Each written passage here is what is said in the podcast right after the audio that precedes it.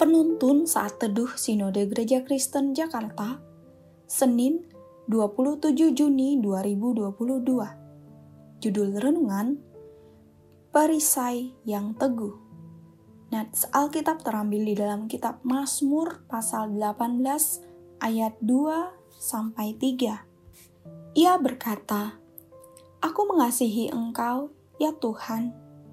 Kekuatanku, ya Tuhan, bukit batuku, kubu pertahananku dan penyelamatku, Allahku gunung batuku, tempat aku berlindung, perisaiku, tanduk keselamatanku, kota bentengku.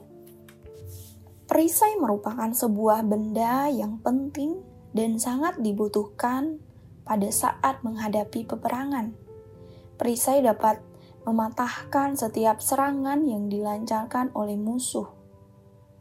Untuk menolak dan menangkis semua panah, tombak, dan pedang yang hendak dihujamkan ke bagian-bagian tubuh kita. Perisai menjadi sebuah perlengkapan perang yang dipakai secara aktif untuk melindungi kita. Demikian juga dengan hidup kita.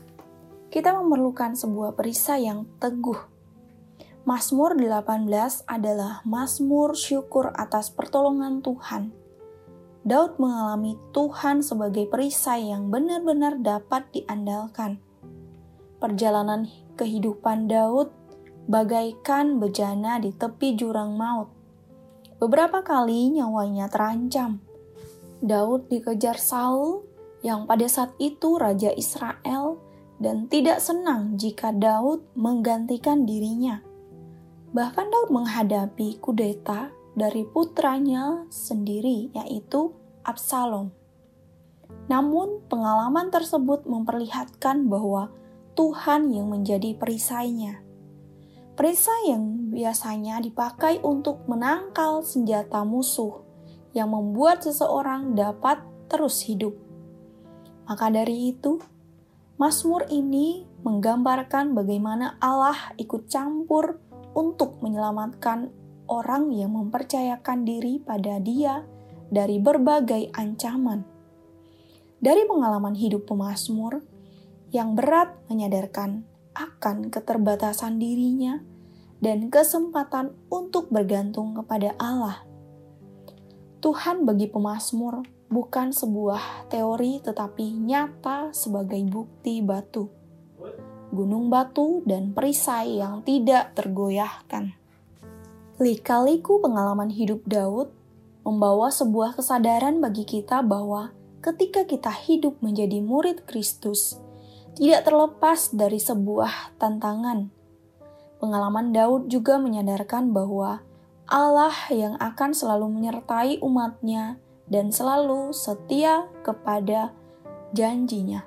Karena itu, Marilah ketika kita mengalami pergumulan dalam hidup, carilah dan alamilah Tuhan sebagai kesempatan berharga. Jadilah pengalaman hidup berapapun beratnya menjadi sebuah proses perjalanan persekutuan kita bersama Tuhan. Persekutuan yang erat dengan Allah membuat kita menjadi murid Kristus yang semakin kuat dan berani untuk menghadapi badai kehidupan sebesar apa pun. Walau kondisi kita tampak seperti ditelan oleh gelombang yang besar, akan tetapi kita dapat bangkit kembali dan mengatasi badai bersamanya. Sebesar apa pun pergumulan yang kita alami, kita tidak usah takut karena Allah menjadi perisai kita yang teguh. Amin. Terima kasih, Tuhan Yesus memberkati.